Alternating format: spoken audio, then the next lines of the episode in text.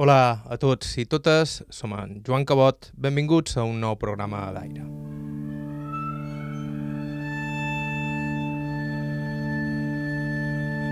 A la fi, vàrem poder tornar a Eivissa i Formentera fa unes setmanes i, com sol ser habitual per aquelles terres, recollir un bon grapat de testimonis de categoria. No sé què passa per allà, però s'hi fan grans personatges. Gent entranyable com els dos protagonistes d'avui, el mariner Pere Mallans i la seva dona Rita Escandell, entrevistats tots dos al porxo de casa seva i ficant la cuera l'un en la resposta de l'altre. Aquí hi ha en Pere, que m'explicava que ell, de la Mola, havia conegut el primer cotxe, la primera bicicleta, la primera moto. Qui va tenir la primera bicicleta?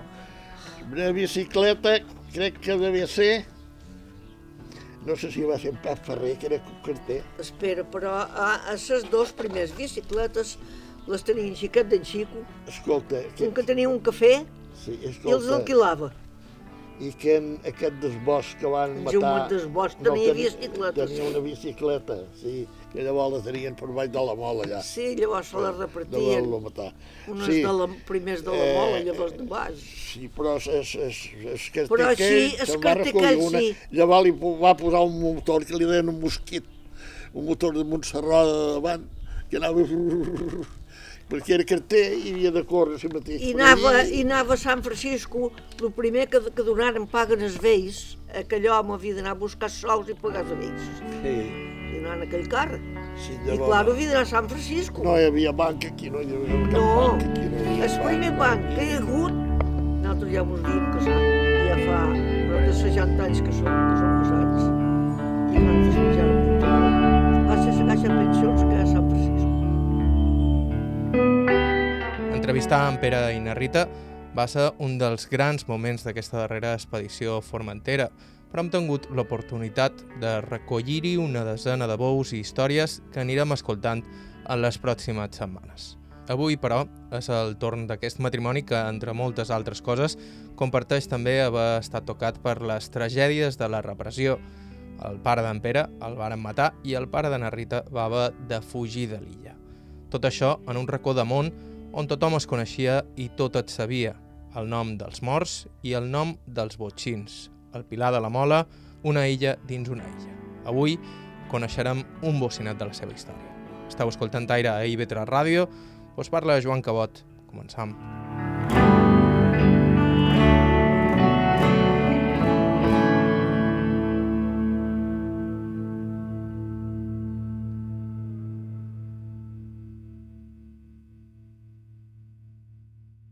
I ho feim, com han dit, el correlat de casa d'en Pere i na Rita. Aquesta espera Mallans, que va néixer el... Quan vaig néixer jo, vaig néixer eh, el dia 28 d'abril del 31.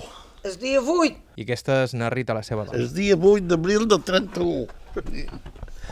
I el vostre nom complet és? Pere Mayans Torres. Quants germans éreu? Pues dos. Jo i una germana. I en què se dedicaven els vostres pares? Pues el meu pare feia viatges a Amèrica. Estava allí, estava dos anys, això, i venia, i, i se'n tornava, i, i bueno, i, i la revolta que se'n va anar allà, es cap de poc temps d'estar-hi, anava, era, menjava una galeta allà per, per riu de, de, de, de, de, allà de com li deien, a riu del Plata. Va anar en terra i va veure un bitllet de loteria i, i se'l va comprar. el sortien el Sant demà. El sortien I va, i va treure. I va dir, com que allà sol estava molt alt, i aquí me'l vaig, li feia molt de so i va dir, me'n vaig cap a Formentera i no torc. I s'havien duit un home d'aquí, de cuiner, i diu, però jo fa tan poc temps que, que, que m'he arribat ja amb un nan, però si jo arribaré allà i no portaré cap, que era, dic, jo et pagues els passatges i, i ja tindràs això. I va ser bé. Quantes vegades hi va anar? Ui, Exacte no ho sé, però jo crec que almenys tres segures. Eres patró, sí, és patró. Hi havia molta, molta gent de Silla que, que partia... Sí, n'hi havia molts, perquè, veiem, tenia un germà que també... Se... Però aquell va anar a Cuba. Eren quatre Se'n germans. va anar a Cuba, que es deia com jo, Pere. I llavors tenia, tenia, tenia més... Eren quatre germans. Quatre. I dos no tornaren. Sí, I dos sí, dos, i sí, moriren aquí. sí. I va venir aquí. I en sus, en sus, en sus, en sus interessos podia viure. Eh, sí, va deixar sols, a, va deportar sols a Catalunya, els va deixar allà un banc, el qual va, va, va, va acabar i ens donaren una misèria de sols que hi teníem. Bueno, jo estava per aquí i, i bueno, hasta havia fet una cançó que deia que, que, que la feina no m'agrada, que quasi sempre passeig, cas amb foroll, pes de canya, i amb això m'hi diverteix. I la dona es queda a casa donant menjar als pollets, i així anant pensant senyada de 1933. I en el 36 el mataren. En el vostre pare. Sí.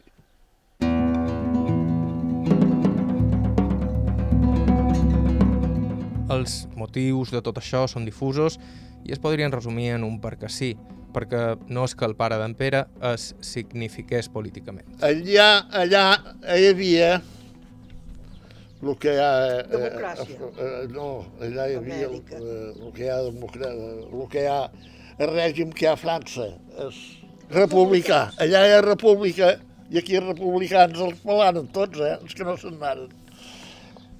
I va venir aquí, ja estava aquí, i un dia l'enviant a demanar eh, a San Francisco, o sigui, va anar i, i el tancaren, i, i, i el, el Sant demà matí el van matar, ell un parell, perquè... No ho sé, Quina edat teníeu vos? Com... jo 5 anys i la meva germana 10. Aquesta dur, idò. I ara hi va un, un, un hi va haver un d'això Sant Francisco, ja ho saps, que hi va haver, que va De venir un... Sí, De la memòria històrica. donaren un paper per... Sí. I en fi, i així anam, De la mola. Sí, sí, sí, hi va haver una, una barca, una barca que se'n va anar, que era, em pareix que vuit, que anaren a, i agafaren una barca i se'n anaren cap al gell i es salvaren, mira, salvaren.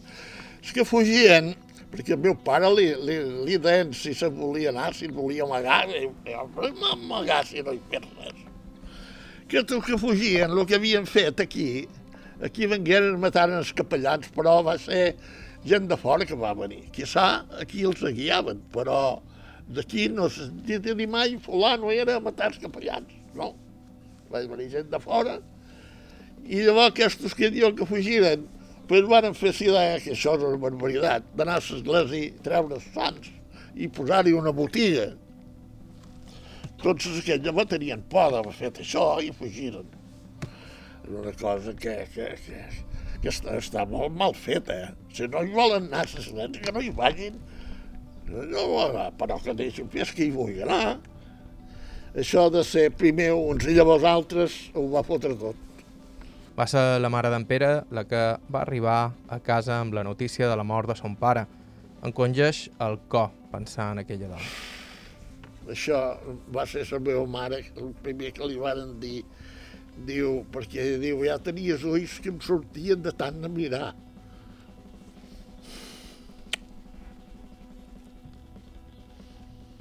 I a partir de llavors, la seva mare es va fer càrrec de tota la família, amb tot el que això implicava en uns temps tan mals. Mira, feia el que podia. Feia el que podia i com que si mateix eh, eh, no era igual que si només quedat sense, sense res, però tenia sous. I sou si mateix. I anava comprant el que, el que podia, perquè llavors no hi havia per vendre. Sé que anàvem a, anàvem a segar escarada, que dèiem. Hi havia un que tenia un, un tros molt gros, llavors no hi havia màquines ni segadores. De segar a mà. I m'ho anàvem a segar, i m'ho aixecava el matinet i m'ho cridava i m'ho anàvem a segar i, i segàvem fins al migdia i llavors anàvem a dinar i hi tornàvem i mos donaven un tant per cada tornall que havíem segat, bueno, i recollíem per fer una matanceta i llavors si hi havia algú que mos venia alguna mica de blat eh, i comprava una mica de blat i, i feia pa i, i si m'atiraven anàvem, anàvem visquent. El mal era que no hi havia res per comprar. En Pere tenia només 5 anys quan varen matar son pare i gairebé no se'n recorda d'ell. Quasi, quasi no me'n recorda. Me'n recorda de molt poques coses, me'n recorda però poc. Però me'n recorda, mira tu, me'n recorda des, des, des, des dos cants que tenies nom que tenien els dos cants. Me'n recorda. D'on tenies furó, també em recorda. I ell, entenc que unes memòries, però això, sí, sí. On se deia llampa i salta rondana. Recorda bé? I, sa, i, I la vostra mare com era de caràcter? Pues, eh, era bona dona. Trista tota la vida. El que tota la vida havia estat trista i tota la vida... I de més avant encara, de més avant de tot, venien aquí dos amb una carabina a demanar uns sous. Vosaltres teniu sous, si no fas idea. Sous estan al banc, anau-los a treure, que volem sous. I, i mos tancaven dins i sentíem les passes i se'n anaven i se n'emportaven un coní, se n'emportaven una gallina, se n'anaven. I al cap de les dues o tres voltes que vengueren, hi havia aquí falange, hi havia un que era un, un, un dels jefes de, de, des de la mola, Sí. dels, dels falangistes. Som va agafar la llibreta del banc i se'n va anar i li va dir, mira, ja és la llibreta. Tragueu els sols que vulgueu, que no n'hi venen tant. Però tragueu els sols que vulgueu, l'aliment que no venguen a casa. Aquestos. Diu, jo no ho sabia que venguessin. No vendran més. Ja, ja ho sé, llibreta. I no, no van venir més. I eren gent que els. Coneixíem. Eren, eren d'aquí. Pilar de la Mola és molt petit. Eren d'aquí. I eren ben coneguts i ben amics. Sí, sí, però mira.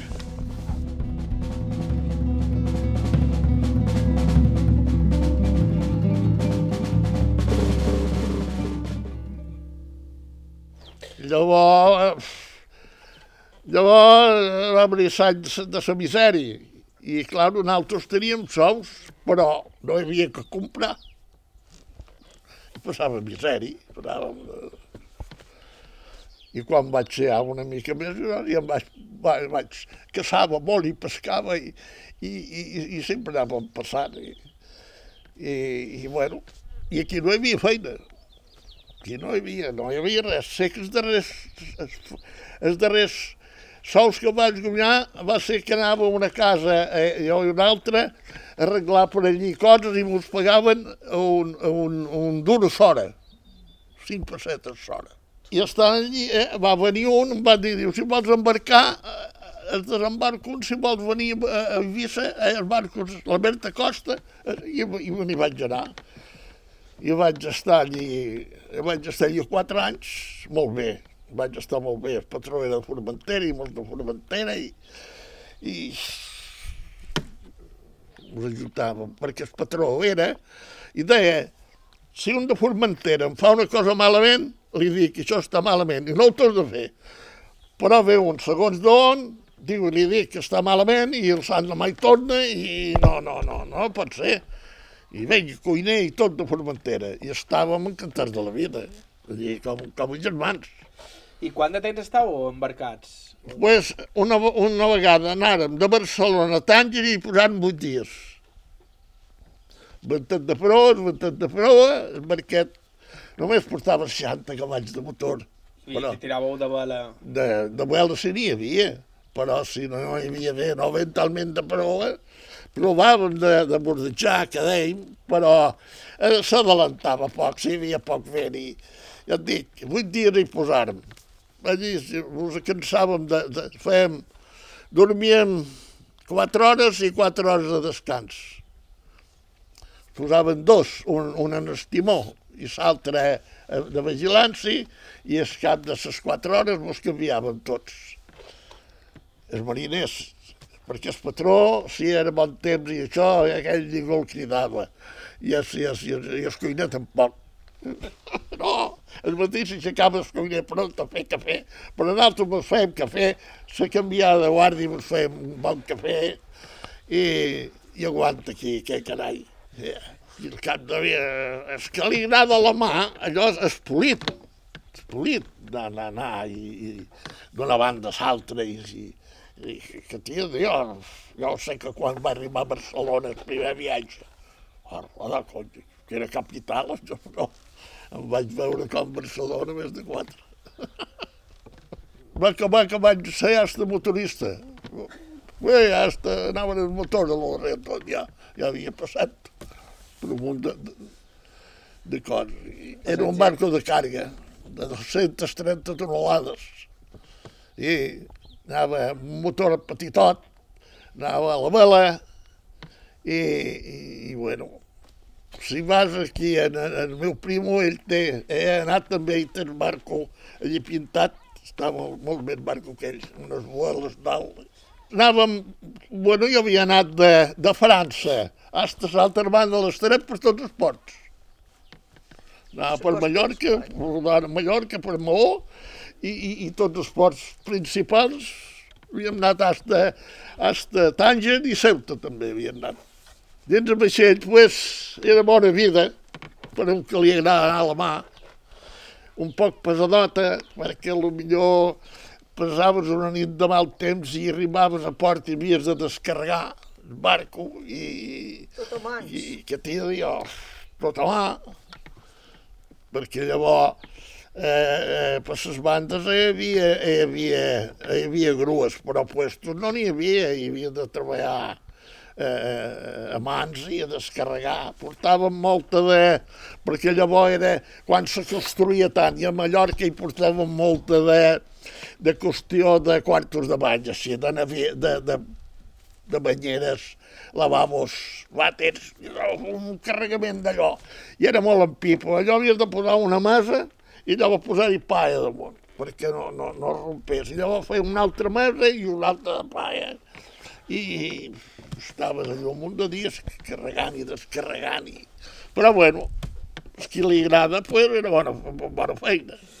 Però allò vaig venir aquí, de vacacions, que venia un mes cada any, i és darrer serra volta que vaig venir aquí, ja començava a venir a l'abans i comprar trossos de terreno i fer cases i, i bueno, els meus companys em deien, però si vols venir, si vols treballar en altres, pots venir, mira, eh, i no, vaig pensar, val més passar una bona nit a casa, treballar de dia, jo ho vaig deixar i vaig venir aquí i vaig treballar, pues, vaig treballar 11 anys.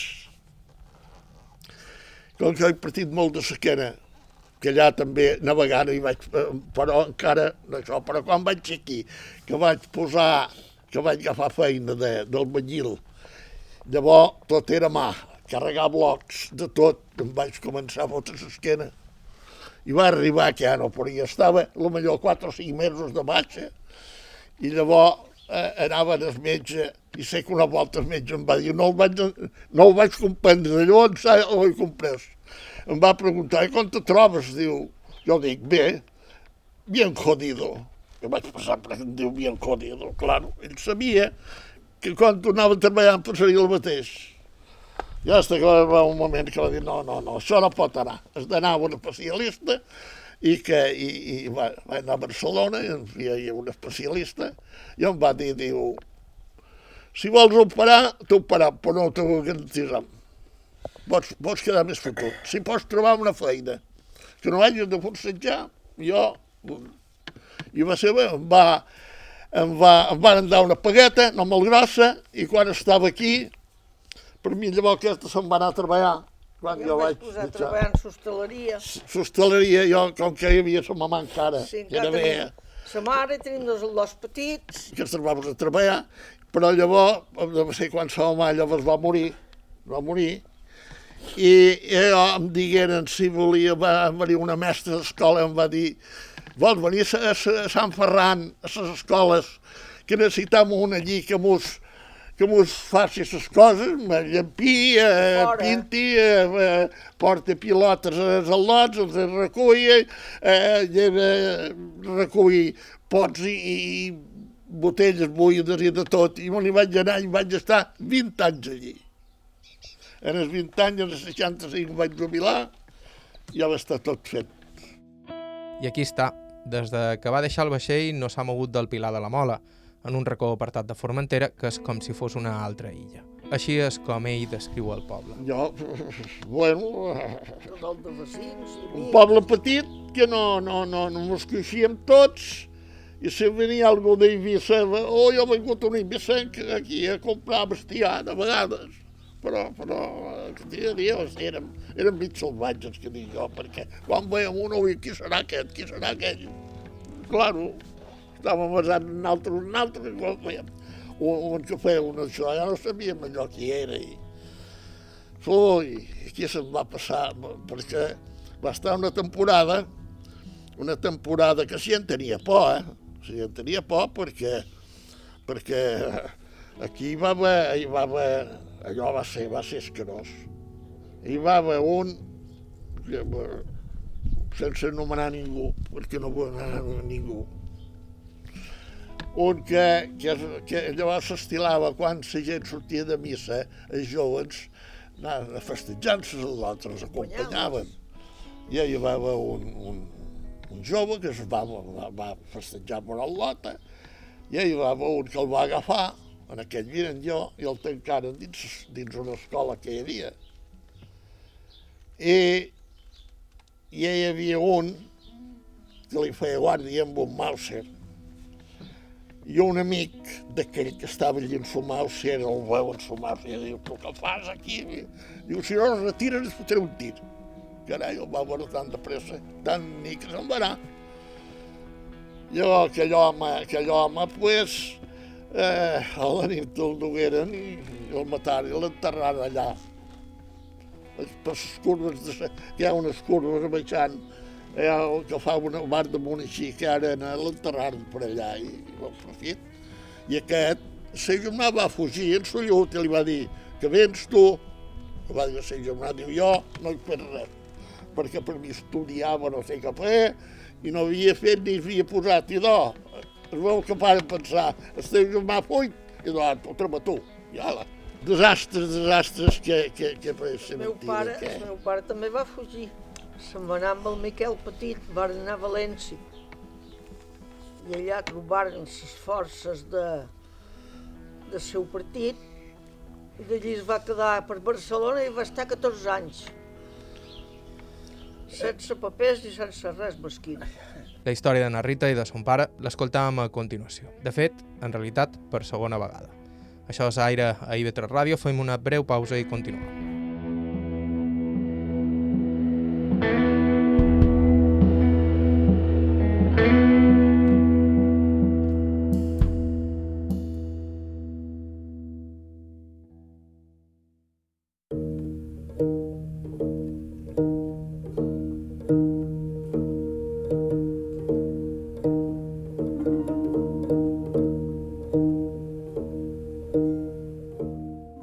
Som en Joan Cabot, això és Aire, i avui som per Formentera en Pere Mallans i la seva dona Rita Escandell, convidada inesperada a la nostra conversa, però no per això menys benvinguda. De fet, i això és el primer cop que ens passa, na Rita ja l'havíem entrevistada abans en el nostre anterior viatge a l'illa, a la casa del poble de la Mola. Però quan es va posar a parlar i a conversar amb mi i amb el seu home, no vaig voler desaprofitar l'oportunitat per entrevistar-la per segona vegada. Aquí la teniu, Rita Escandell Costa, nascuda al Pilar de la Mola el 1936, amb son pare que havia hagut de fugir de casa. Eh, El papà se'n va anar i ni menys sabia que jo havies de néixer encara. La meva mare ja tenia, ja tenia, ja tenia anys i va, i no, i va pensar bé, se m'ha retirat la regla perquè com bé. Però llavors els va sortir una lota. Ah, I doncs sí, i va quedar a casa tota sola, sense forces de ningú. Tenia tres infants d'ella i un altre que es va casar amb un vildo. Ja tenia vuit anys o nou, no sé què, vuit, i, i, i, i la criolada aquella embarassada. El meu pare treballava en les salines que treia sal, que era quan acabaven de ser caderes. Molta gent de, de, la, de, de per tot Formentera, els que tenia gana de treballar i guanyar algun duro, hi anava. I va tenir la ocasió per allí que es va remoritjar que sortia aquella barca aquell matí i es, en la matinada o a la nit o no sé a quina hora sortien, però va pujar la mola i va anar a casa. Se'ls devia mirar tots i devia pensar qui us quedareu, qui us quedareu i no mos veurem mai més. I se'n va anar.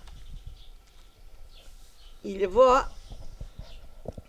la meva mare l'envia i a les dones des que havien fuit els enviaven a demanar a la comandància d'Eivissa. I feien mofa d'elles. Els hi deien, i ara aquestes dones tan joves que fareu sense home? I mesquines, ni companyia, ni consells, ni, ni, ni, ni mans per ajudar. Mare de Déu. Son pare tampoc havia fet res de res per guanyar-se les sospites dels feixistes. Només haver estat a Cuba. Gran pecat. També havia estat a Cuba molts anys. Anava a Santiago de Cuba i allà també era mariner. Tots els de Formentera eren mariners allà, perquè no sabien fer res altre. N'hi havia que no, n'hi havia que anaven a fer carbó per dins el bosc. Tallaven madera i feien carbó i el venien i allò guanyaven i n'hi havia molts que venien i portaven una miqueta. I ell hi havia anat diverses vegades. Perquè antes de casar-se, la primera vegada es va casar de 24 anys.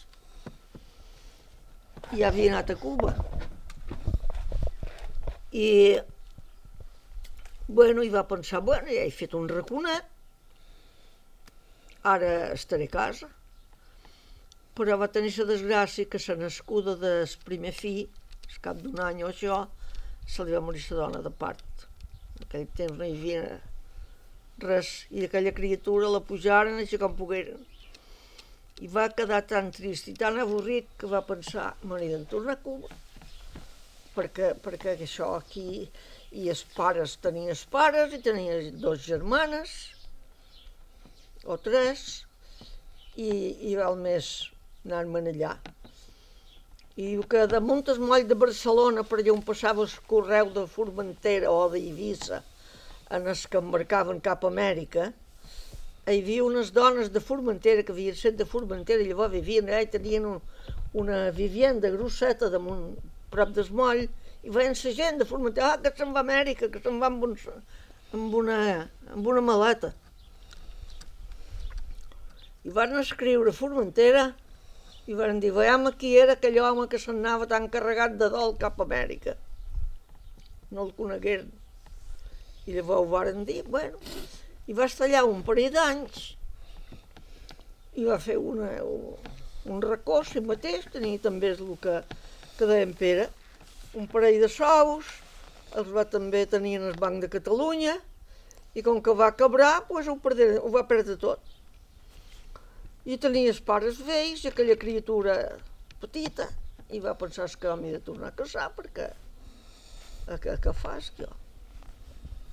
I bé, llavors va ser la meva mare, la meva mare era d'una casa rica, perquè tot el, tot el que tenen és de terra moll, aquí a dalt del bosc, de, quan deixes el bosc, que no n'hi ha més, que es veuràs vist que fan una paret nova una banda, l'altra banda hi ha una casa molt grossa.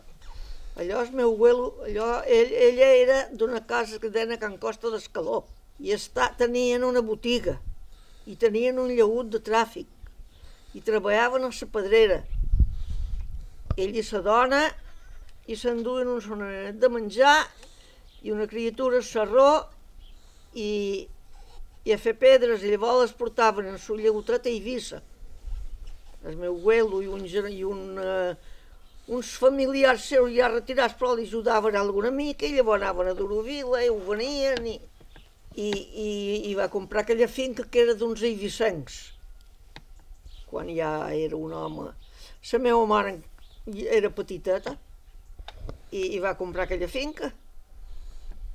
Una finca molt bona, molt, terra molt bona i tenia de tot, tenia aquella casa que són dos vivendes aferrades ja ho van cobrir de teula i ja et dic eren gent que sabien viure molt, perquè anys endarrere eh, es, es guanyava poc. I és que no era gastador, i ara hi passa igual. Eh, li sobrava, i ho ampliava, però és que, no, és que s'ho malgastaven i molts anaven a jugar i millor eh, eh, eh, jugaven allí per, per, per vora l'església un rato i, i jugaven a lo millor a la finca o bestiar. Jo me'n recordo encara que, vi, que veiem un home que quan venia un vedell o una vaca o això, ja el veiem en su puntal a passar cap a l'església i jugar. Això ho he conegut jo, que tenia una vintena d'anys. És a dir, que la gent jugava fort. Es veu que sí? Sí, és. I... Quan, quan, quan menys sous hi ha, més se juga. Perquè ara hi ha bastants no hi juga. No juga ningú. Jo no sé a, a, a, a quin Eh, joc Bueno, es borró i, i per Nadal, per Nadal jugaven a un altre joc que no sé com se Set i diu. mig no el, vin, no el feien, llavors. Poc, poc. Havia estat a parlar de set i mig, però no... no, El Bacarrà. Un que li deuen el Bacarrà. Aquell ja. s'hi jugaven sols. Set i mig no s'hi pot jugar molt de sols. Però el joc de banca, joc de banca, que hi ha un munt de sols i tot Déu, oh, jo jugo i, i encara ho augmentaven. I aquí, llavors Pere no us ho he contat, però son pare va fer un préstec amb una hipoteca eh, damunt una finca i era de joc, de joc. Ell no, no l'havia guanyat, però els havia emprat i aquell home estava, tenia una finca i estava a- en Saigos Coll i, i vam, va dir a en Antoni d'en Pere, que li deien, eh, cony, em deixar seus sols per pagar els deutes, perquè, perquè si, si no els enfotran la finca. I ell diu que li va dir, sí, però ha de ser amb una hipoteca.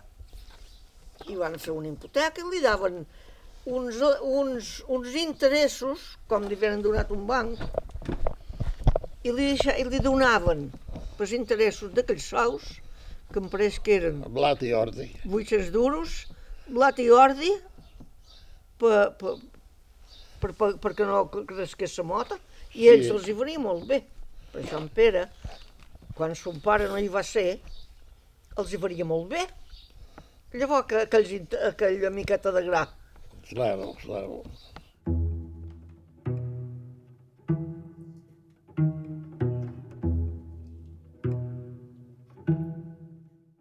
Pere i na Rita es varen conèixer com es coneixia tothom, al Pilar de la Mola. Veïns de tota la vida i família d'en fora. Bueno, érem veïns i parents, érem tots del poble.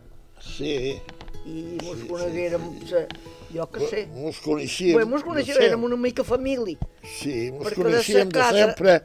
El que un, una nit de matines, era la nit de matines, ella estava, a sigut ella i algunes altres, i nosaltres anàvem per allí, i, i li vaig fer una senya i em va aparèixer que, que, que volia, i me li vaig anar, i ara encara. Perquè anàveu a cantades... Ne- Com, sí, com us divertíeu, És que no llavors? n'hi havia gaires de cantades. No n'hi havia moltes, no. De, Anàvem a- de llavors s'ha n'hi ha hagut més. Sí, llavors aqu aquells, aquella volta que dius tu, érem el cafè.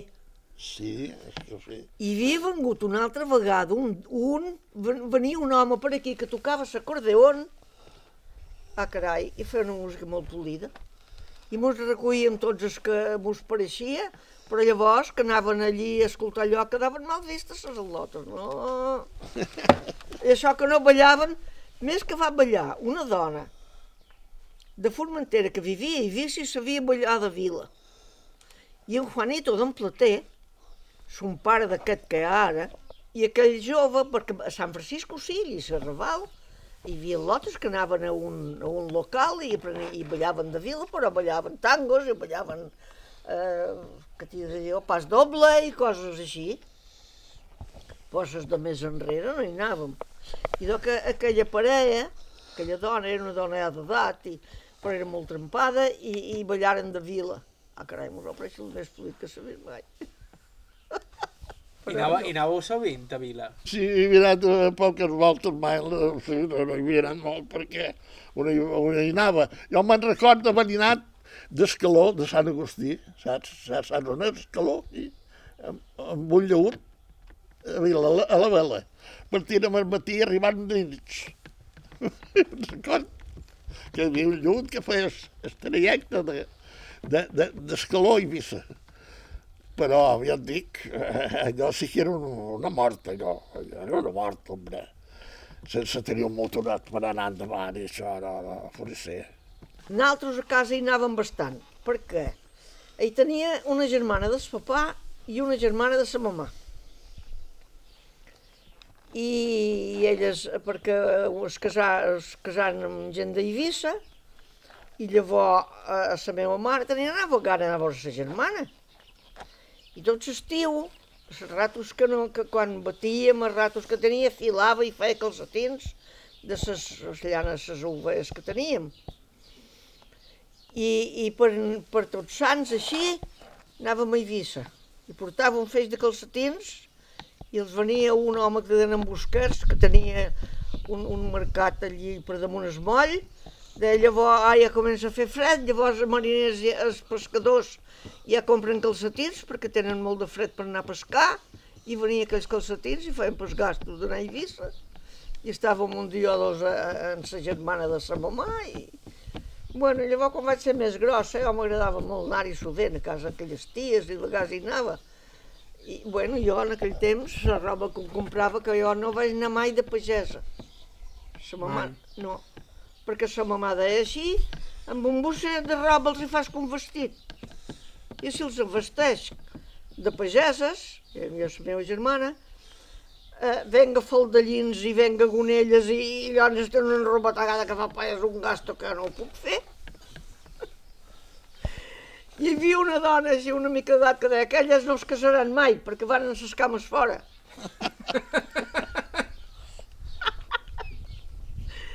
Però bueno, llavors, ja, llavors va venir eh, aviat. Quan jo vaig ser grossa, la febre de la gent llevar-se la gonella i posar-se vestit, i se'n vestiren totes.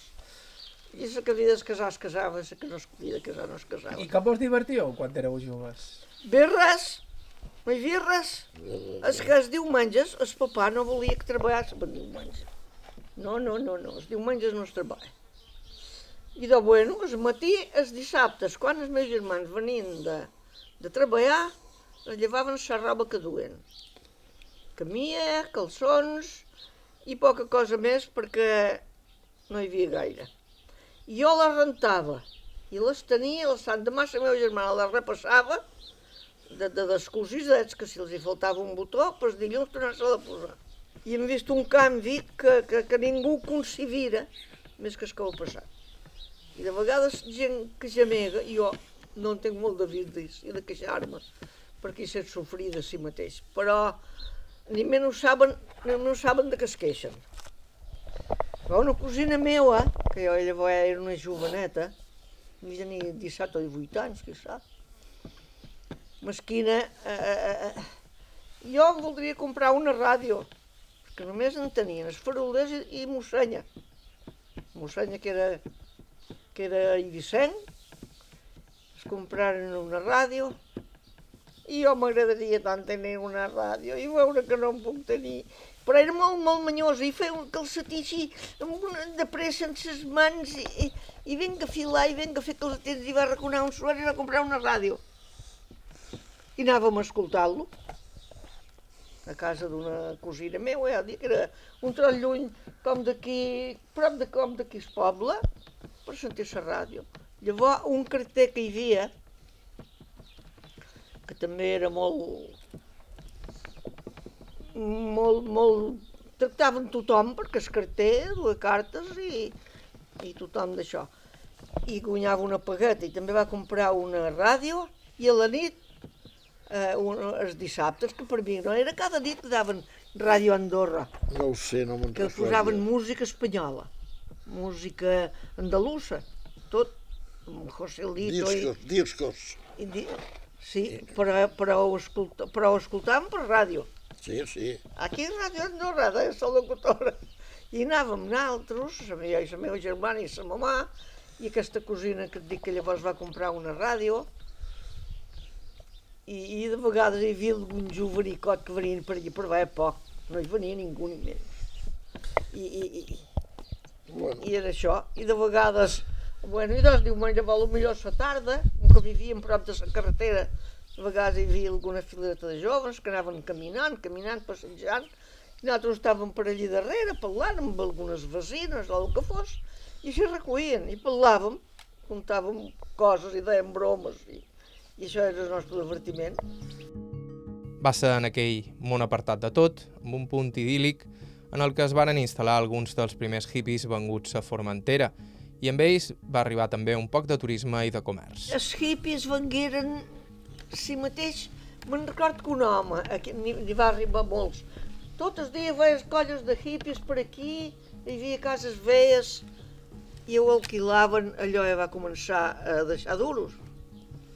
Llavors va venir un mallorquí una vegada a Pescaló, jo ja tenia una vintena d'anys, i va dur una espècie de comissió que deien que, que fèiem uns brodats sense mà i mos pagaven i mos, com mos compraven. I aquell, no trobaríeu dones que volguessin fer treballar bruses així de senyora i mocadors, de, uns mocadorets que no servien per fregar-se els nas, però, però eren de llot. Bueno, tot encaja. Bé. Unes amigues meues em van dir, mira, si vols que, que mos ajuntem i ho facem juntes, i llavors enviarem i ell mos enviava sous i ja mos va anar bé allò. Jo dic que van ser els primers sous que van començar a entrar a Formentera, perquè totes les dones en feien i no en podien fer prou per lo que venien.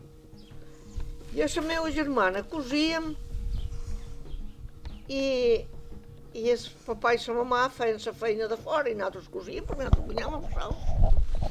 I hi havia dos homes que feien paret, així davant cosa, que nosaltres duem una finca mijural, que està de Cases Cubanos, d'Esterra Moll ara, i, i feien, feien paret, i nosaltres fèiem allí a la fresca i cosint i ben eh, eh, pentinades i, i guanyau tant vosaltres cosint com nosaltres fent, fent paret.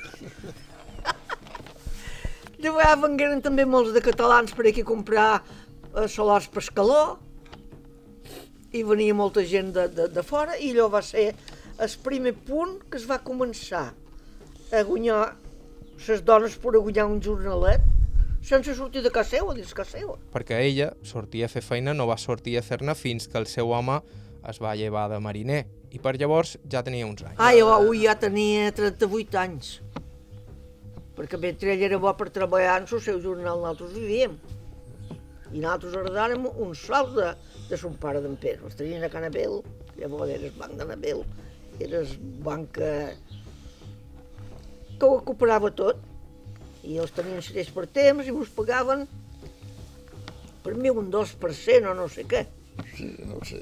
molt poc. Però bueno, nosaltres anàvem visquent i no els traguérem mai. I com que ell antes de casar-nos ja va navegar 4 anys, va ahorrar uns sous, bueno, llavors va posar a anar a jornal, i jo a casa sempre feia un jornalet, perquè o feia exercer, o brodava, o cosia comissió, sempre feia una miqueta. I com que d'ell de caçar i de pescar, que li agradava molt més avant, i els diumenges i dissabtes ell no anava a missa perquè no li agradava anar a missa. I s'anava per la vora de mar, s'anava per tot, i marisc i d'això, i menjàvem, ens manteníem quasi de, de lo que ell guanyava. Només vàrem tenir dos infants, també és molt, perquè és que en té una filera necessita molt. I en aquell temps anàvem estrivant cadets i, i és que menjava un cantó de pa amb oli feia bones. Però és això, com que no hi havia per comprar, tampoc passàvem gana, pensàssim que... No, que- no que era- passàvem gola perquè no veiem res. No. Bo. Jo vivia a el poble, lluny al cementeri, a l'altra banda, hi ha una casa que, que era casa meua. I nosaltres érem aquella filareta, era la més petita. Era una boixa petita, molt metzinadeta, primeta i, i sequeta, i, i els de casa tenien el terreny molt lluny. I sempre em deixaven allí per allí i ells anaven. Jo anava allí unes bues a Can Miquel d'Antoni, Bartoni, allí. i quedava per allí, anava per allí, i allí anava la gent a que comprar alguna barra de sabó, algun litro d'oli, perquè no hi havia res que trempar més que la xuer que llevàvem en el gorrinet, els dies les matans, havia durat tot l'any. Tant si érem quatre com si érem deu. I a més d'això, hi havia el que caçaves i el que pescaves. En Pere sempre hi va tenir gust, especialment a sortir amb la barca. Bueno, jo eh, vaig començar els primers sols que vaig guanyar, va ser pescant, pescava, pescava amb una xanal, rem, jo i una altra. Pescàvem gambins, agafàvem fossos, agafàvem, agafàvem els matins i els solpostos en els temps, en su, en su abril i maig. Agafàvem cigales, i bueno, llavors corríem els dèntols, va, va venir això de córrer els dèntols, que abans no, no sabia, i bueno, anàvem, anàvem fent. Va ser els primers sous que vareu fer. Com, van ser de, van ser de- de- d'això que em vaig comprar una bicicleta. de sous de la pesca. I pel peix, ara mateix se'n fos, se'n fos, i, eh, eh, si agafàvem, els amarràvem i els teníem en viver.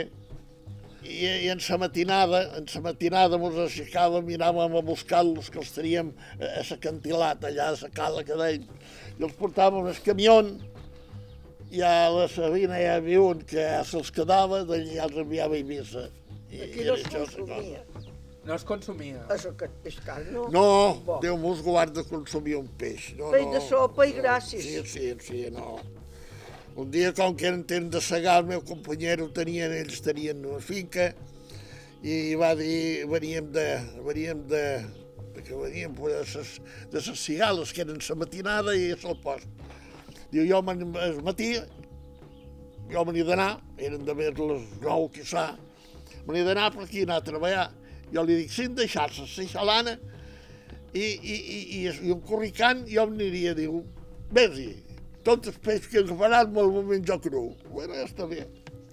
Em vaig anar, vaig agafar una volada, la vaig amarrar així per davall la pell per no matar-la, i allò vaig arribar escorricant amb un pes gros que anés a fondo, i vaig posar damunt la popa una, una verga de sabina així i amarrada, perquè anava bugant, i cada vegada que es pegava estirosa, se, allò feia així, així. I amb això me la veig així, i cor, i venga a tirar, i em venia de davall, perquè clar, no hi havia ningú que ve a retirar la barca, em venia de davall, i venga, vaig agafar un enfors de 12 quilos, a recoll aquell que va, el menjaràs cru en aquest.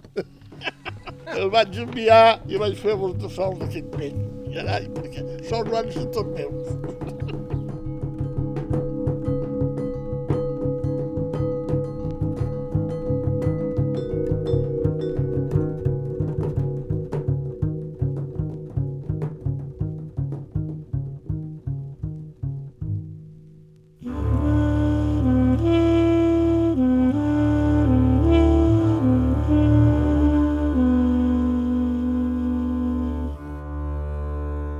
I fins aquí el programa d'avui. Milions de gràcies a Pere Mayans i a Rita Escandell per la seva amabilitat i hospitalitat i moltíssimes gràcies a Pep Tour per facilitar-nos el seu contacte. Si voleu suggerir-nos alguna entrevista o fer-nos qualque comentari sobre el programa, ens podeu escriure a aire.ivetresradio.com aire.ivetresradio.com Vos recordam també que vos podeu subscriure al podcast d'Aire a qualsevol dels agregadors disponibles i a ib3.org barra carta i trobareu tot l'arxiu del programa. La música que han fet servir avui és de Marisa Anderson, Joshua Abrams, Jaume Tuores i Charles Rumbach. Bàrbara Ferrer a la producció executiva, vos ha parlat Joan Cabot, gràcies per ser a l'altre costat i fins la setmana que ve.